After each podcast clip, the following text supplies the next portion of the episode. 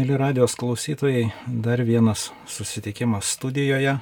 Su jumis e, aš Mindaugas ir šalia sėdė gydytoja, tegul jinai pati ir prisistato. Labas rytas, mėly klausytojai. Aš esu gydytoja, kardiologė, profesorė Diana Žaledonytė. Džiaugiuosi, dėkoju už pakvietimą, kad šiandien galiu būti Marijos radijos studijoje. Kaip kelias iki gydytojos ir gydytojos kardiologės atvedė? Nepasakyčiau, kad tai buvo suplanuotas kelias nuo mano vaikystės, bet atsimenu su savo klasės drauge, kai mes žaisdavom, viena visą laiką būdavo gydytoja, kita mokytoja. Nežinau, sprendimą ko gero priemiau 12 klasėje besimokydama. Man visą laiką buvo, na, nesvetimas bendravimas su žmogumi, rūpesti žmogumi ir mūsų šeimoje nebuvo gydytojų. Galbūt tai buvo, galima sakyti, ir toks šeimos sprendimas. Labai buvo svarbu man mano mamos patarimas. Ir aš nusprendžiau eiti tuo keliu. Aišku, paskui ilgos studijos, kad pasirinksiu kardiologo kelią, o ne kito mediko kelią. Irgi pasirinkau bebaigiant studijas. Man kažkaip visą laiką buvo svarbi skubi pagalba, intensyvi terapija, va, tas toksai gebėjimas žmogui padėti staigiai, greitai, ypatingai, kai jis yra kritiniai situacijoje. Tai kardiologija, manau, nuo to labai toli nėra ir tikrai tas sritis, kurią aš išsirinkau, tai manau, kad džiaugiuosi galėdama būti šitam keliui, būtent kardiologo keliui. Tai ir patinka jums kardiologija? Taip tikrai nekartą esu pergalvojus, kuo dar galėčiau būti, bet e, kito varianto galvoje ir nėra. Kardiologija tikrai yra tas rytis, kuri, na, jinai svarbi kaip medicinos rytis, nes viskas sukasi apie širdį, širdis tikrai yra svarbus organas, bet tik tiek, kad su kardiologija siejas ir labai, na, ir kitos lygos, kitos rytis ir Vis viena mes, gydytojai, dažniausiai stengiamės žmogų žvelgti kaip į visumą, ne, ne į vieną organą. Ir Aišku, šiais laikais, kai visi skubam, keičiasi tas požiūris į mediciną, paslaugas ir panašiai, na, mes gal kartais tie gydytojai yra priversti būti ne viso žmogaus gydytojai, bet, sakykime, tam, tam tikro organo ar sistemos. Bet manau labai svarbu, ruošiant jaunus gydytojus, studentus, jam akcentuoti ir tikrai ir aš pati tą darau, kai jam vedu mokymus, kad, na, į žmogų mes turim žvelgti kaip į visumą, nepaisant to, kokios srities, na, kokią specialybę mes pasirinksim. Jūs ištarėt žodį širdis. Tai kas yra širdis?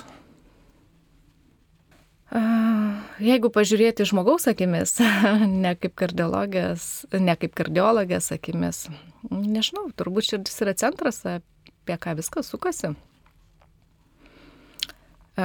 Širdis centras yra mm, bet ko, žmogaus, organizmo, nežinau, sistemos.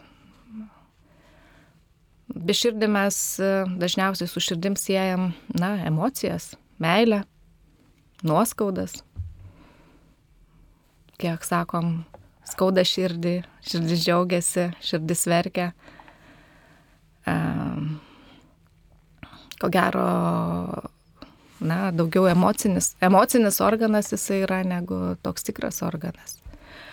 Taip, o jeigu grįžtant prie žmogaus, prie žmogaus sistemos, prie žmogaus fiziologijos, širdis yra, na, santykinai nedidelis organas, maždaug kaip kumščio dydžio, bet jisai aprūpina visą organizmo sistemą ir žmogaus kūnui jis irgi yra be galo, be galo svarbus.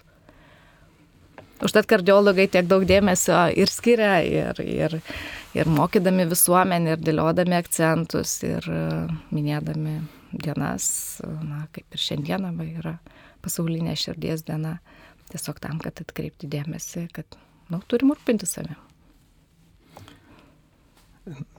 Širdis, pagal kardiologus galima tada pasakyti, yra pompa, kuri pumpuoja. Taip, labai tiksliai pasakėte. Tai yra pompa, kuri pompuoja. Na, turi pompuoti tam tikrų stiprumų, tam tikrų dažnių, tam, kad užtikrintų gerą visų organų veiklą.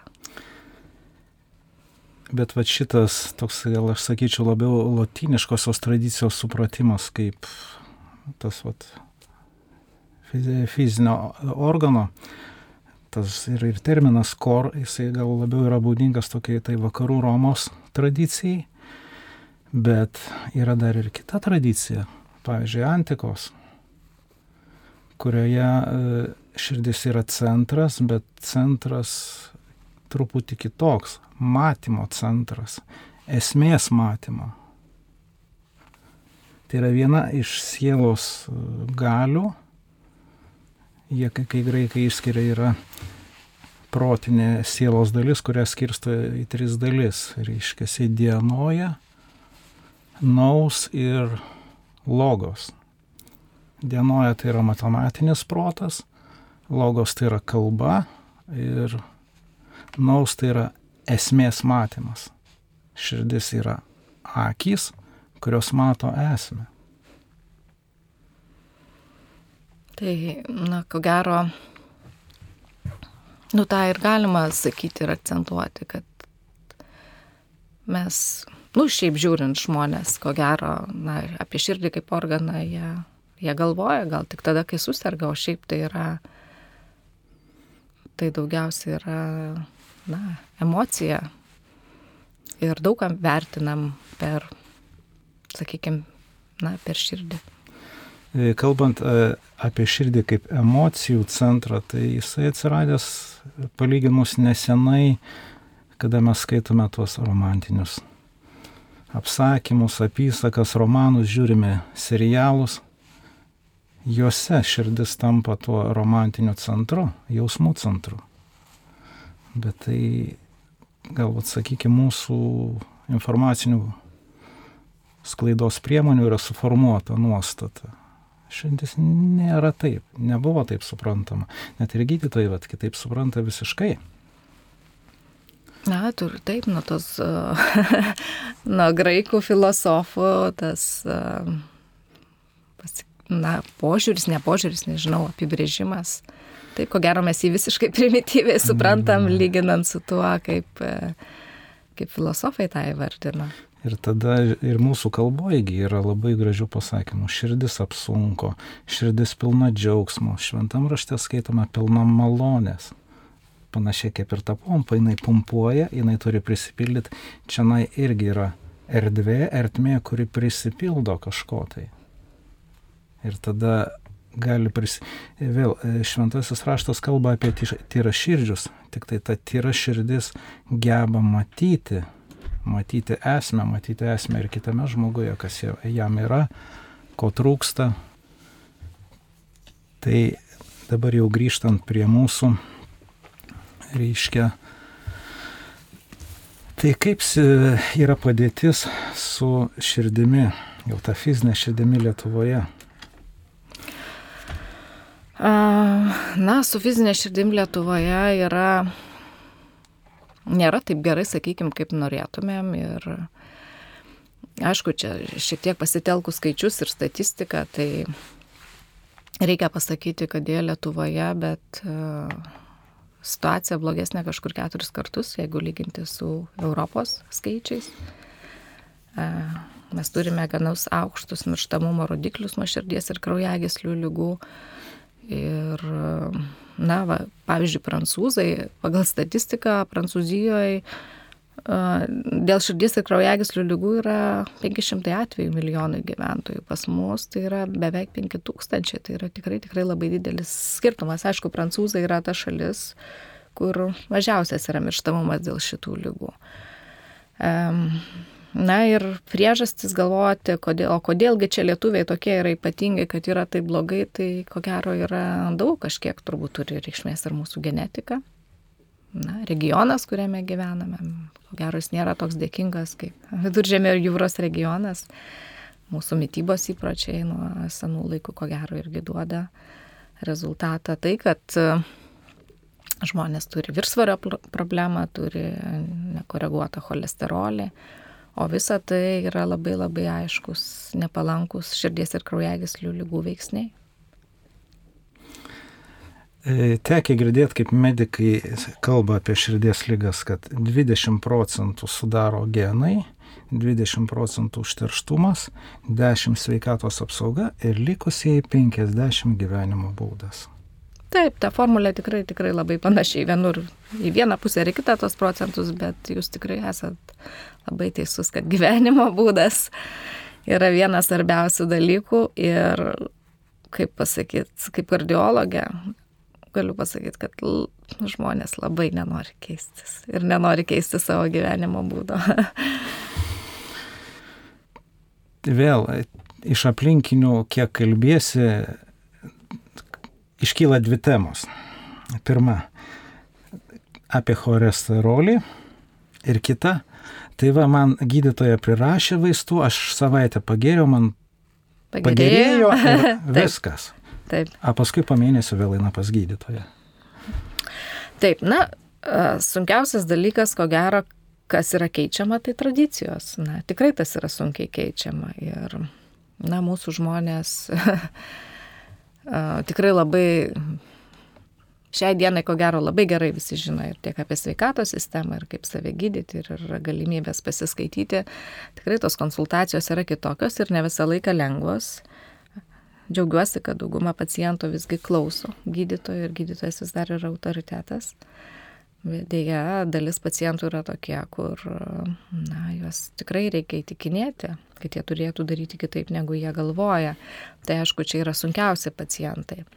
Na, ne veltui kardiologai ir kalba, ir rašo, ir moko, ir tikrai kalbam daug, kad jau nuo vaiko amžiaus reikia mokyti žmonės, kad labai svarbu yra profilaktika, nu, ne tik širdies ir kraujagyslių lygų, visų lygų, tiesiog tas gyvenimo būdas tai turėtų būti na, įprastas dalykas, kad mes sportuojam, ką mes valgom, kiek mes judam, ten ir kokiu reguliarimu vaikštom gydytojo konsultacijom tam, kad perspėti tas pačias pavojingiausias lygas.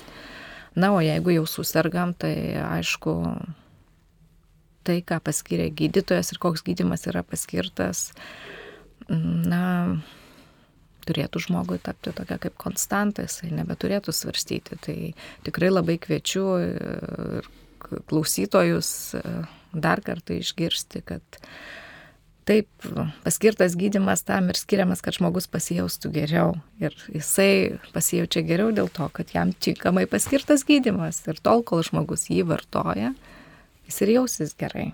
Aišku, visą laiką korekcijos kažkokios reikalingos, dėl to ir yra ir šeimos gydytojo institucija, kuri yra, na, gal ne visą laiką taip arti paciento, bet tikrai netoli ir, ir yra ir kardiologai, ir kiti specialistai, kurie reikalingi, tiesiog uh, turi būti nuosekli priežiūra. Mhm. Norėčiau grįžti prie tų 50 procentų, tai yra gyvenimo būdo. E, gal galėtum išvardinti pagrindinius kriterijus, veiksnius, į kuriuos reikia atkreipti dėmesį, žmogui ir, ir kurių, kurių reikia laikytis? Tai uh, patys elementariausi ir patys pagrindiniai tai yra fizinis aktyvumas, antras dalykas tai yra valgymo įpročiai, trečias dalykas yra žalingų įpročių atsisakymas.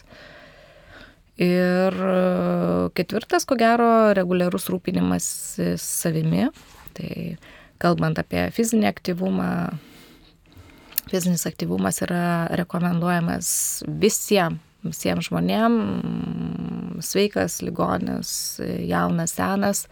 Aišku, jeigu žmogus jau turi lygų ar yra vyresnio amžiaus, tai judėjimo galimybės gal šiek tiek yra sudėtingesnės, bet ir pasaulio sveikatos organizacijos e, rekomendacijos sako, kad, na, tokie vyresnio amžiaus pacientai ar turintys lygų, uh, jam rekomenduojama judėti tiek, kiek leidžia jų galimybės ir jų fizinis pajėgumas ir yra padaryti ir moksliniai tyrimai, kurie rodo, kad net ir tiek judėjimo gerina tokių pacientų prognozę, užtikrina jiem kokybiškesnį gyvenimą, mhm, jie tampa judresni, miego kokybė, galų galę socialinis bendravimas, tai yra na, daug labai pridėtinės vertės. O sveikiems žmonėms ar tiem, kurie na, gali turėti įprastinį fizinį krūvį, tai yra rekomendacijos 3-5 kartus per savaitę reguliarios veiklos, žiūrint iš širdies ir kraujagyslių lygų prismės, labiau tinkamas yra na, fizinis aktyvumas su tokiais fiziniais pratimais kaip vaikščiojimas, bėgimas, važiavimas dviračių, plaukimas. Bet aišku, kas mėgsta ir sporto salę, irgi tas yra gerai ir labai yra sveikintina. Tai tiek apie judėjimą, na, toliau valgymo įpročiai, jie, jie yra labai svarbus. Lietuviai dėja nemėgsta valgyti žuvies, o širdies ir kraujagyslių sergantiems pacientams žuvies produktai, riebi žuvis, ypatingai lašiša, kur daug omega 3 rūkščių, tai turėtų būti 2-3 kartus per savaitę, tai nežinau, parodykit lietuvių, kuris tiek valgo žuvies. Ir dar lašišos turbūt nevalgo ir aišku, daržovių porcija per dieną iki 200 gramų, vaisių, vaisių porcija 200 gramų, tai jau pusę kilogramo. Tokių žalėsių, kurių lietuviai irgi nevalgo, bet jie tikrai jau reikėtų nu, daugiau įdėti. Na, o rizikos veiksniai, tai rūkimas ir alkoholis su sveikata niekaip čia nedraugauja ir tikrai šitų, šitų, šitų dalykų neturėtų būti nei vieno žmogaus gyvenime, kuris nori būti sveikas ir sulaukti daug, daug, daug metų. Man dabar sukasi galvoju tokia mintis. Kada ateini į vaistinę, kada ateini jau ir į parduotuvę, matai visokių maisto papildų. Vitaminas D, tos pačios omega rūkštis. Ar rekomenduotumėt vartoti? Jeigu taip, tai tada ką, kiek? Taip, tikrai pasirinkimas labai didelis, farmacininkai gal ant manęs turbūt ir supyks, kaip pasakysiu, bet na, nu, tų papildų tikrai yra labai daug. Didžioji jų dalis, 90 procentų, neturi jokių mokslinių įrodymų. Kalbant apie lygų prevenciją ar lygų gydimą, aišku, jie tikrai nekenkia Čia vis, viskas aišku, bet na, tų įrodymų nėra. Omega 3 rūkštis, va, kurias ką tik irgi minėjau, kad svarbu sergant širdies kraujagyslėm lygom, taip didelėmis dozėmis 1000 mg, 2000 yra įrodymų, kad saugo nuo širdies ir kraujagyslių lygų progresavimo. Tai Taip, bet, na, čia, žinot, nėra panacėja. Sakykime, jeigu jūs neturite širdies ir kraujagyslių lygos ir jūsų puikus cholesterolis, tai jums tikrai ir jūs valgot žuvį,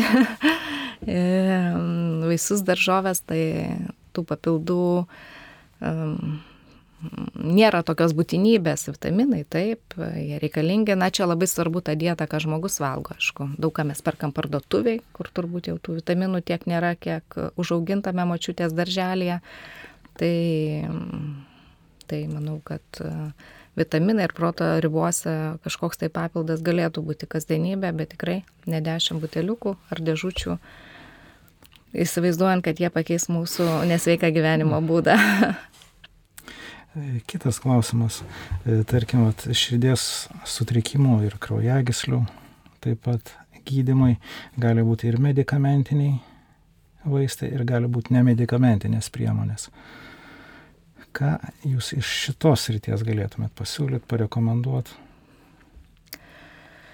Kalbant apie nemedicamentinį gydimą, tai yra, iš esmės tai yra gyvensenos būdo keitimas, ką mes kalbėjome. Tai yra judėjimo režimas, yra mm, e, valgymo režimas, skipai e, tam tikrų lygų metu, pavyzdžiui, sergant širdies nepakankamumu, pacientai visi turėtų skiepytis nuo gripo ir nuo pneumokoko, nes irgi yra visiškai aiškus įrodymai, kad šios infekcijos jos tiesiog labai pablogina širdies nepakankamumo eigą. Šiais laikais yra labai daug dėmesio skiriama pacientą išmokyti rūpintis ir gyventi su lyga. Tai irgi eina į nemedikamentinio gydimo priemonės ir einame link to, kad tikrai slaugytojos e, yra apmokamos ir čia jų pagrindė darbas yra dirbti su pacientu ir juos mokyti, kaip gyventi su savo lyga, atpažinti savo simptomų paumėjimus, kad e, na, pacientas ir pats mokėtų pasireguliuoti kažkiek tai vaistus, kol pateks gydytojo konsultacijai. Nes žmogus, kuris žino, kuo serga ir kaip valdyti savo lygą, na, irgi tiek daug nekenčia ir, ir irgi jo gyvenimo prognozija yra geresnė kada e, mano tėčiai buvo po infarkto ir pakankamai jaunam amžiuje, tai šalia visų tų vaistų močiutė kaime rekomendavo gerti gudobelio arbatą. Ar tai gali būti kaip papildoma priemonė?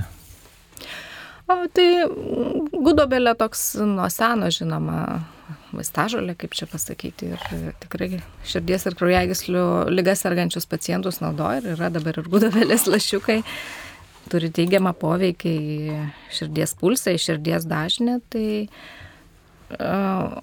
aš tikrai neišdryščiau kaip kardiologė pasakyti, kad na, tos žinios iš, iš mūsų žemės, ką mes turime, iš mūsų žolių yra nereikalingos, tai yra na, natūralūs dalykai. Ir daugelį metų tikrai jie buvo naudingi. Tik aišku, ko gero verta paminėti, kad jie nepakeičia vaistų. Jie gali būti šalia tų vaistų, kas, kas jau yra paskirta. Sulaukime SMS žinutės. Tai gydytoja, gal galėtumėt ją atsakyti? Klausytojas klausia, gal galėtumėt pakartoti gydytojos kardiologės vardą ir pavardę. Tai aš esu Diana Žalėduonytė. Gal dar pridėkit, kur dirbate? Taip, aš dirbu Kauno klinikose gydytoja kardiologė ir Kauno ligoninėje.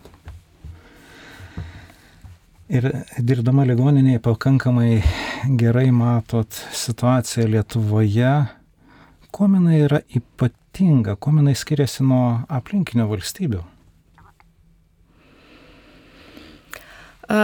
Neseniai teko būti Švedijoje pavasarį, lankyti Švedijos ligoninę ir kardiologijos skyrių, tai va, jeigu lyginant su švedais, pas mus patenka sunkesni pacientai.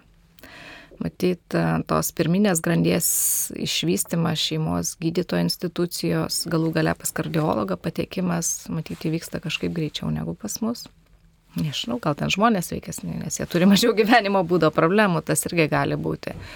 Pas mus, matau, tikrai patenka sunkus užleisti pacientai, aišku, Čia mes dažnai minime tą COVID infekciją kelis metus, bet jie tikrai buvo dramatiški ir mūsų pacientam, nes ir kai kur yra pribotos galimybės buvo jiem kreiptis, o kiti tiesiog dėl savo saugumo bijodami užsikrės nesikreipė. Matome daug atvejų su pažengusią lygą, o tiek širdies kraujagyslių lygos, tiek plaučių lėtinės lygos, nu tos valėtinės lygos, jos kaip žmogus gali gyventi, tai neuminis apendicitas, kur reikia iškart važiuoti ligoninę, bet jos negydomos ir nekontroliuojamos, jos, na, blogėja, paciento simptomai sunkėja, daug sunkiau sureguliuoti gydimą. Tai, tai toks niuansas, aišku, reikia pasidžiaugti, kad Lietuvoje medicamentinio gydimo galimybės, intervencinio gydimo galimybės tokios kaip ir Skandinavijoje. Ir tikrai, jeigu jau žmogus pateko į ligoninę, tai jisai nebejotinai gaus tą gydimą, kokį gauna kiekvienas europietis. Tai galiu tik pasidžiaugti tikrai pažangę tiek medikamentais, tiek technologijomis, medicinos sistema, kurią mes turime čia. Aišku, yra klausimų, yra problemų, kurios sprendžiamos dėl vaistų kompensavimo, nes na, gal ne kiekvienas naujas vaistas iš karto gali būti prieinamas pacientui, jeigu, sakykime, jis nekompensuojamas, bet esam geram keliui. Tai klausant jūsų, man taip dvi priežastys išsiskiria. Viena iš tai, kad patekimo pas specialistą trukmė, kad užtrunka žmogus tol, kol patenka pas specialistą. Kita gyvenimo būdas, tai yra galbūt, kad neefektyviai veikia prevencinė arba profilaktinė medicina.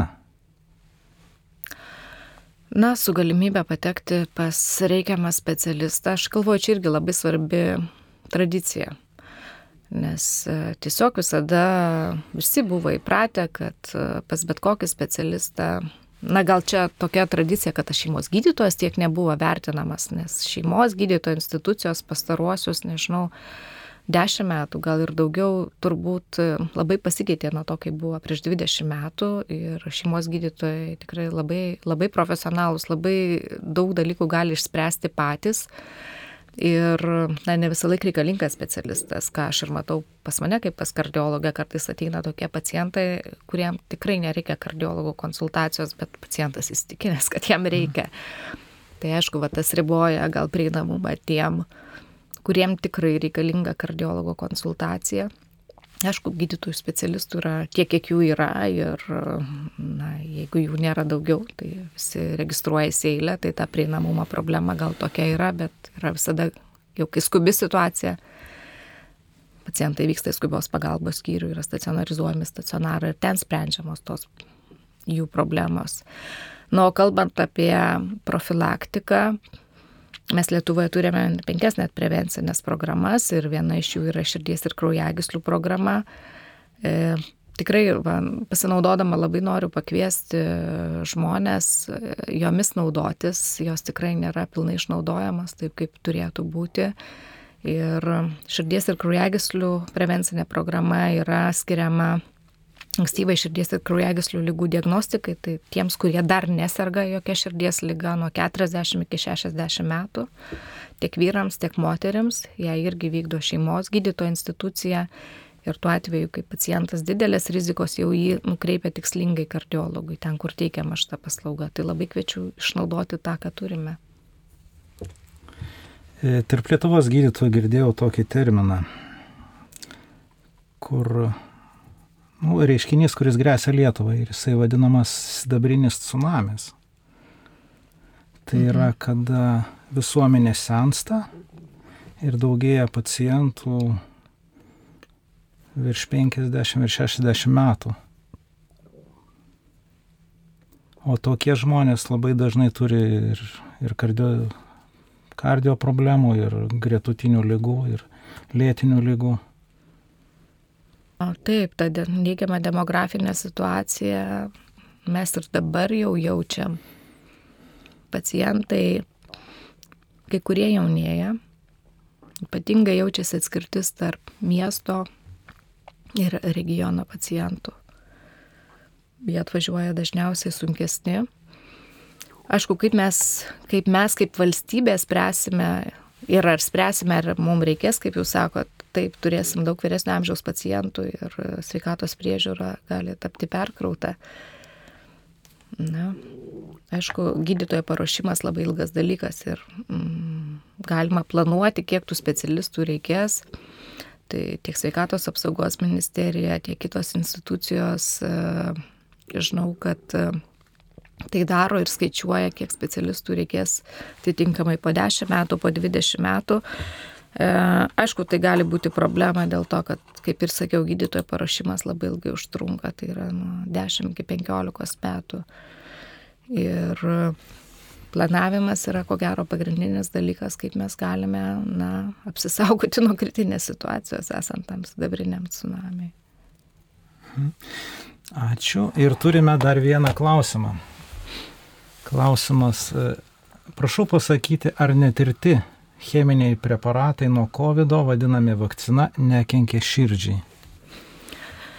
E, apie vakcinaciją yra labai visi mėgsta diskutuoti ir aš kaip gydytoja tikrai atsakingai turiu pasakyti, kad ne viena vakcina nėra sukurta pakengti žmogui. Ir vakcinacija yra teigiamas dalykas, nes apsaugo nuo labai liūdnų pasiekmių, kurios, kurios yra matomos, kokios gali būti. Uh, ar nekenkia širdžiai ar dar kažkam. Kiekvienas cheminis preparatas, e, dėja, ar tai būtų vaistas, vakcina ar dar kažkas turi labai nedidelę, labai nedidelę tikimybę, kad, na, gali turėti šalutinį poveikį. Bet jinai, jinai e, nurodoma, jinai yra mažesnė negu vienas procentas ir tas tiesiog yra, nes tai yra cheminiai preparatai. Mhm. Ačiū. Kalbėjom apie pacientus, dabar norisi pakalbėti apie gydytojus. Tai kaip jaučiasi gydytojai kardiologai? Gydytojai kardiologai labai daug skuba, labai daug skuba, turi labai daug pacientų. E, kardiologai turi labai didelės galimybės padėti pacientam, turi labai puikiai išvystytą intervencinę kardiologiją. Ir kalbu tiek apie pagalbą ūminio miocardo infarkto metu, kai yra atveriama kraujagyslė ir atliekamas tentavimas, tiek kalbant apie vyresnio amžiaus pacientus, kuriem yra implantuojami dirbtiniai voštuvai, netveriant krūtinės lastos. tai irgi kardiologo darbas, tai tikrai žiūrint į medicinos progresą, tai labai labai yra pažengęs. Ir aišku, reikalinga, be galo reikalinga plėtra tam, kad tiek, kiek Lietuva yra norinčių patekti pas kardiologą, tai tas prieinamumas e, nėra toksai geras, bet nėra ir toks blogas, jeigu mes vėl žiūrėtumėm tą pačią Europą, kur specialisto konsultacijos reikia laukti daugiau negu pusę metų. Tai... O šiaip kardiologija, sakau, labai yra įdomi specialybė ir, na, šiai dienai turim visas galimybės medikamentiniam ir intervenciniam gydimui, kaip, kaip, kaip visur Europoje, dėl to džiaugiamės galėdami padėti savo pacientams. Universitete vienas mano dėstytojas mėgdavo kartoti klausimus, ką reiškia būti. Ką reiškia būti geru vaiku, ką reiškia būti geru tėčiu, ką reiškia būti gerų lietuvių, ką reiškia būti gerų gydytojų, nu, ką reiškia geru būti pacientu, tai jau suprantama, kad vykdo gydytojo nurodymus, prisižiūri, geria vaistus ir taip toliau. O ką reiškia būti geru gydytoju? Ma, man geras gydytojas tai yra pirmiausia tas, kuris moka išklausyti pacientą. Uh, kuris moka išklausyti pacientą, jį išgirsti, nes lyga ne visą laiką yra organinė. Lygų yra ir kitokių. Ir va čia, va tas gydytojo subtilumas ir gebėjimas suprasti, ar jis turi tikrą somatinę lygą, ar jis turi lygą dėl nerimo ar dar dėl kažko, tai yra labai svarbu. Kai sakoma, visos lygos, beveik visos lygos nuo nervų ir tik labai nedaug dėl kitų priežasčių. Nu, žinot, kardiologai, ko gero, yra tie gydytojai, pas kuriuos ateina vyresnio amžiaus pacientai ir praktiškai taip, jiem galima surasti visiems širdies ir kraujagyslių lygą, bet aišku, mūsų ta emocinė būsena. Mm, palsėjimas, nepervargimas gerina, blogina kiekvieną kardiologinę lygą. Todėl labai labai, labai svarbu yra emocinė sveikata pacientui, kuris turi lygų ir kuris neturi lygų. Tikrai didelis akcentas tam. Ką reiškia būti gerų gydytojų, tokį kaip aprašymą aš radau labai įdomiai vietai. Mhm. Hipokrato priesaikoje. E, dabar mano žiniomis 97 metais e, Hipokrato priesaika, kuri yra skaitoma Lietuvoje, buvo šiek tiek koreguota, tai aš nepatingėjau susirasti senąją. Taip. Ir va, aš ją pasidalinsiu. Mhm. Joje tikrai labai daug apie tai, koks turėtų būti geras gydytojas. Jisai e, priesaika prasideda tom, kad kreipiamasi į dievus ir Šią priesaiką ir šį pasižadėjimą vykdysiu nepriekaištingai pagal savo jėgas ir sąžinės. Gydyto, gydydamas ligonius nurodysiu pagal sugebėjimą bei sąžinę atitinkamą gyvenimo būdą ir juos saugosiu nuo bet kokios žalos ir skriaudos. Mhm. Niekam nors ir labiausiai prašytų neduosiu mirtinų nuodų, taip pat panašių jūsų manimų patarimų neparemsiu. Be to, ne vienai moteriai neduosiu priemonės pradėtam gemalui ar vaisių sunaikinsiu. Užsiimsiu medicinos menu, gyvendamas nesavanaudiškai ir dorai. Sergančių akmenlygę pats neoperuosiu, tai atlikti pavėsiu prityrusiems chirurgams. Į kokį tik namą aš beužeisiu, žengsiu sergančių labui be iš ankstinio keislo pakengti ar įžeisti. Ypač be kūniško geismo moterų ar vyrų, laisvų žmonių ar vergų, kuriuo man teks gydyti. Visa, ką gydydamas matysiu ar girdėsiu, ar šiaip ką net ir nekviestas gydyti patirsiu apie žmonių įprastą gyvenimą, nutilėsiu ir laikysiu paslapti, jei nebus reikalo, tai viešai paskelbti. Taigi, šios priesaikos nepriekaištygai laikantis bei jos nelaužant, te būna man lemta džiaugtis gyvenimo laime ir darbo sėkme, o mano garbė te būna amžinai visų žmonių aukštinama.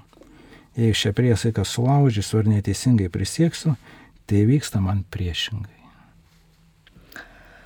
Nu, aš manau, kad e, niekas nepasikeitė iš esmės, žiūrint e, į to, koks turėtų būti gydytojas, tai Niekas nepasikeitė per tos amžius nuo tos e, Hipokrato priesaikos e, atsiradimo. Mm, ir tas e, pirmasis esminis, ko gero, pirmiausia, nepakenk, tai yra kiekvieną dieną mūsų praktika.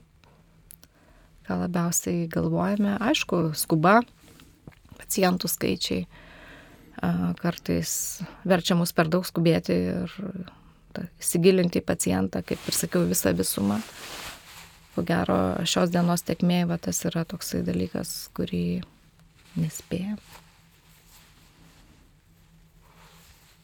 Bet pirmiausia, nepakenkti ir gydyti taip, kaip yra išmokytas, tai manau, kiekvieno, kiekvieno gydyto noras tą daryti. Grįžtant prie širdies, mes kalbėjome apie cholesterolį. Gal galėtumėt plačiau apie cholesterolį? Koks jis būna, kokios yra normos, ką daryti, kad jo būtų mažiau? Mhm. Tai e, kiekvienam žmogui gydytojas gali paskirti atlikti bendrąjį cholesterolį arba taip vadinamą lipidogramą. Lipidogramą apima keletą cholesterolio frakcijų, tai yra bendrasis cholesterolis, taip vadinamas MTL cholesterolis arba blogasis cholesterolis žmonės taip sako ir čia yra tiesos, nes jisai svarbus, kalbant apie širdies ir kraujagyslių lygų riziką. Yra DTL cholesterolis, kurio reikia, kad daugiau būtų e, toj lipidogramoje formuliai ir trigliceridai. Na ir visi skaičiukai jie turėtų būti normos ribose tam, kad galėtumėm pasakyti, va toks turi būti pas jūs cholesterolis. Dar vienas dalykas, kuris yra labai svarbus, kad cholesterolio normos yra skirtingos sveikam žmogui ir tam žmogui, kuris jau turi širdies kraujagyslių lygą. Yra po infarkto, arba po stentavimo, ar po atlikto šuntavimo operacijos mes jau kalbam apie visiškai kitokias normas, todėl tikrai reikėtų klausti gydytojo, o kokia norma yra man, nes tai yra be galo, be galo svarbu. Ir jeigu žmogus jau turėjo infarktą ar turi sustentuotas kraujagyslės, jo cholesterolio, blogojo cholesterolio lygis turėtų būti daug mažesnis negu tam, kuris neturi dar širdies ir kraujagyslių lygos. Tai taip gal abstrakčiai Sveikam žmogui bendrojo cholesterolio norma 5 milimoliai litre, o to blogojo cholesterolio 3, tai yra ta riba, kur skaitome pamažėjęs ar padidėjęs, bet jeigu žmogus, kaip jau ir sakiau, po infarkto, blogojo cholesterolio riba jau pasidaro 1,4 milimoliai litre. Na, žmonės dažnai to nežino, pamiršta, gal šeimos gydytojas skubėdamas nepasako Ir vaistų dozės atitaikymas yra labai svarbu tam, kad pasiektumėm šitas rekomenduojamas ribas, kad apsaugoti nuo tolimesnės aterosklerozės vystimosi. Tai kaip tą cholesterolį sutvarkyti dažnai toks klausimas būna. Tai aišku, yra vaistai, vaistai, kai jau neišeina nemedikamentinėmis priemonėmis. Tai tie pacientai, kurie jau turi infarktą ar stentą, tai tikrai statinai vaistai bus reikalingi, bet kitiems žmonėms, kurie dar yra sveiki ir čia kalbant apie prevenciją, tai aišku labai svarbu mytyba su sumažinto cholesterolio produktais, fizinis aktyvumas, visa tai, na, tos pačios priemonės, ką mes aptarėm, veikia ir pačią cholesterolio formulę. Tai labai svarbu gyventi sveikai. Teko girdėti, kad lapkričio mėnesį bus labai didelis renginys Kauno klinikose dėl cholesterolio tema.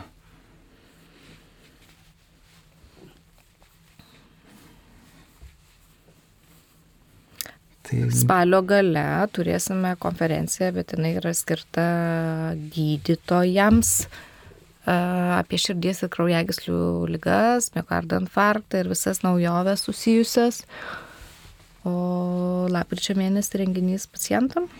Ne, reiškia inovacijų programa Hospiton Hackatonas, kurio tema. A, apie šitą kalbame. Taip, tai čia Lietuvos sveikatos mokslo universiteto inovacijų skyrius. Jie organizuoja tuos hackatonus ir, na, ir viena šiemet, viena iš tų temų yra susijusi būtent e, su cholesteroliu, nes, nu kaip visi e, tiek gydytojai, tiek pacientai, tiek verslas, visi ieško galimybių, na ir kaip, kaip padėti, kad, na ir anksti žinotumėm problemą ir kaip ją gydyti, tai tikimės, kad to hakatono metu kils naujų gerų idėjų ir naujų sprendimų, kokias naujas prevencijos priemonės naudoti tam, kad tą problemą turėtume mažesnę. Turime dar vieną klausimą. Kokią naudą duoda omega žuvies taukai? Hmm.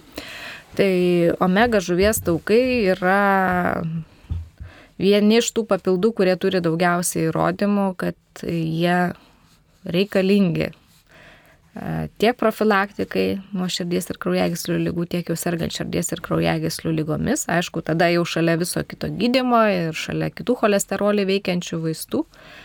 E, na, juose daug tos omega-3, kuri reikalinga ir įsijungia į vairius oksidacinius procesus ir, na, tik tai dozė turėtų būti didelė. Jeigu pacientas yra sveikas ir naudojama tik profilaktiškai, tai gali būti iki 1000 mg parai, bet e, jau tiem, kurie turi didelę riziką širdies ir kraujagyslių lygų ar jau turi širdies lygą, rekomenduotinos dozės yra didesnės nei 1000 mg parai. Sulaukiam dar vieno klausimo. Taip, statinai, statinai, statinai. Tai yra ta tema, kurią diskutuoja pacientai su gydytojais, gydytojai su gydytojais. Tai yra vaistai, kurie a, mažina cholesterolį. Tai yra pirmo pasirinkimo vaistai, jeigu žmogus turi padidintą cholesterolį. E, labai baiminasi visi šalutinių poveikių, bet aš manau, kad statinų šalutiniai poveikiai tai šiai dienai tapęs mitas kad tai yra blogas vaistas, kuris būtinai sugadins kepenis. Tikrai taip nėra. Ir kaip ir minėjau jau prieš tai, kalbėdama apie vakcinas, visi cheminiai preparatai turi kažkokį šalutinį poveikį labai mažai, mažai pacientų grupiai. Tas yra išaiškinta klinikinių tyrimų metu. Ir statinai taip pat turi uh, labai nedideliai pacientų grupiai tą nepageidaujamą poveikį.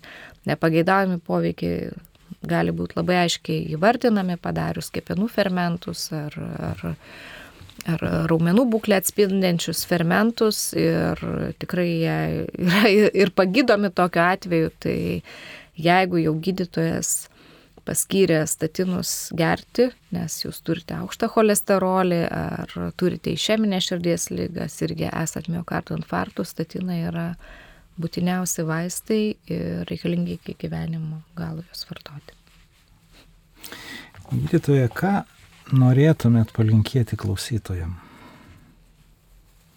Klausytojam aš, nežinau, turbūt kaip ir savo, ko gero, norėčiau pirmiausia palinkėti, pažiūrėti į save ir kaip aš gyvenu, ką valgau, ką pamiršau, ko nepamiršau, padaryti mankštą, atsigerti vandens, išeiti pasivaikščioti. Um, manau, kad uh, šiandien mes visi esame įkritę į tokią skubėjimo ir uh, lėkimo trasą ir pamirštame apie esminius dalykus, ką, na, kas yra tikrai prasminga. Tai pailsinti galvą, atsipūsti, pažiūrėti gerą vaizdą, prisiminti, kad sveikata yra esminis dalykas, na, dėl ko mes ir skubame toj trasoje. Tai labai labai kviečiu nepamiršti savęs. Nepamiršti savęs ir skirti laiko savo. Ir visai pabaigai gal kokį linksmesnį atsitikimą iš savo praktikos. Nu, ne, nesakau, kad kardiologijoje ir medicinoje nebūna linksmų atvejų, tik tai galvoju, ką čia dabar reikėtų, koks būtų tinkamas papasakot. Nežinau, ar linksmesnis, bet gal tiesiog va, apie vakar dienos pacientą, kuris, žinot, yra tokie normalūs tyrimai kardiologija ir yra tokie nelabai malonus. Ten, kai mes darom per stemplinį širdies tyrimą ir e, kišame tokią žarnelę ir pacientai dažniausiai labai nemėgsta to tyrimo ir jo netoleruoja. Vakarykštis pacientas turėjo tokį tyrimą ir sako, ačiū daktarė, kad jūs buvote tokia maloni ir tokį tyrimą padarėte, nes aš suprantu, kad tai yra mano sveikatai. Tai išgirsti ačiū iš paciento, matyti pacientą, kuris, na, džiaugiasi dėmesiu, yra labai smagu ir gydytojų. Tai labai labai norėtųsi to tokio ryšio su pacientu kuo artimesnio. Ačiū Jums, gydytoja, už padovanotą laiką, ačiū Jums klausytojai, kad įdėmiai klausėte ir klausėte. Gražios dienos. Dar kartą primenu, studijoje buvo gydytoja Diena Žaledonytė ir ją kalbino aš Mindaugas Advilonis. Su Dievu. Ačiū.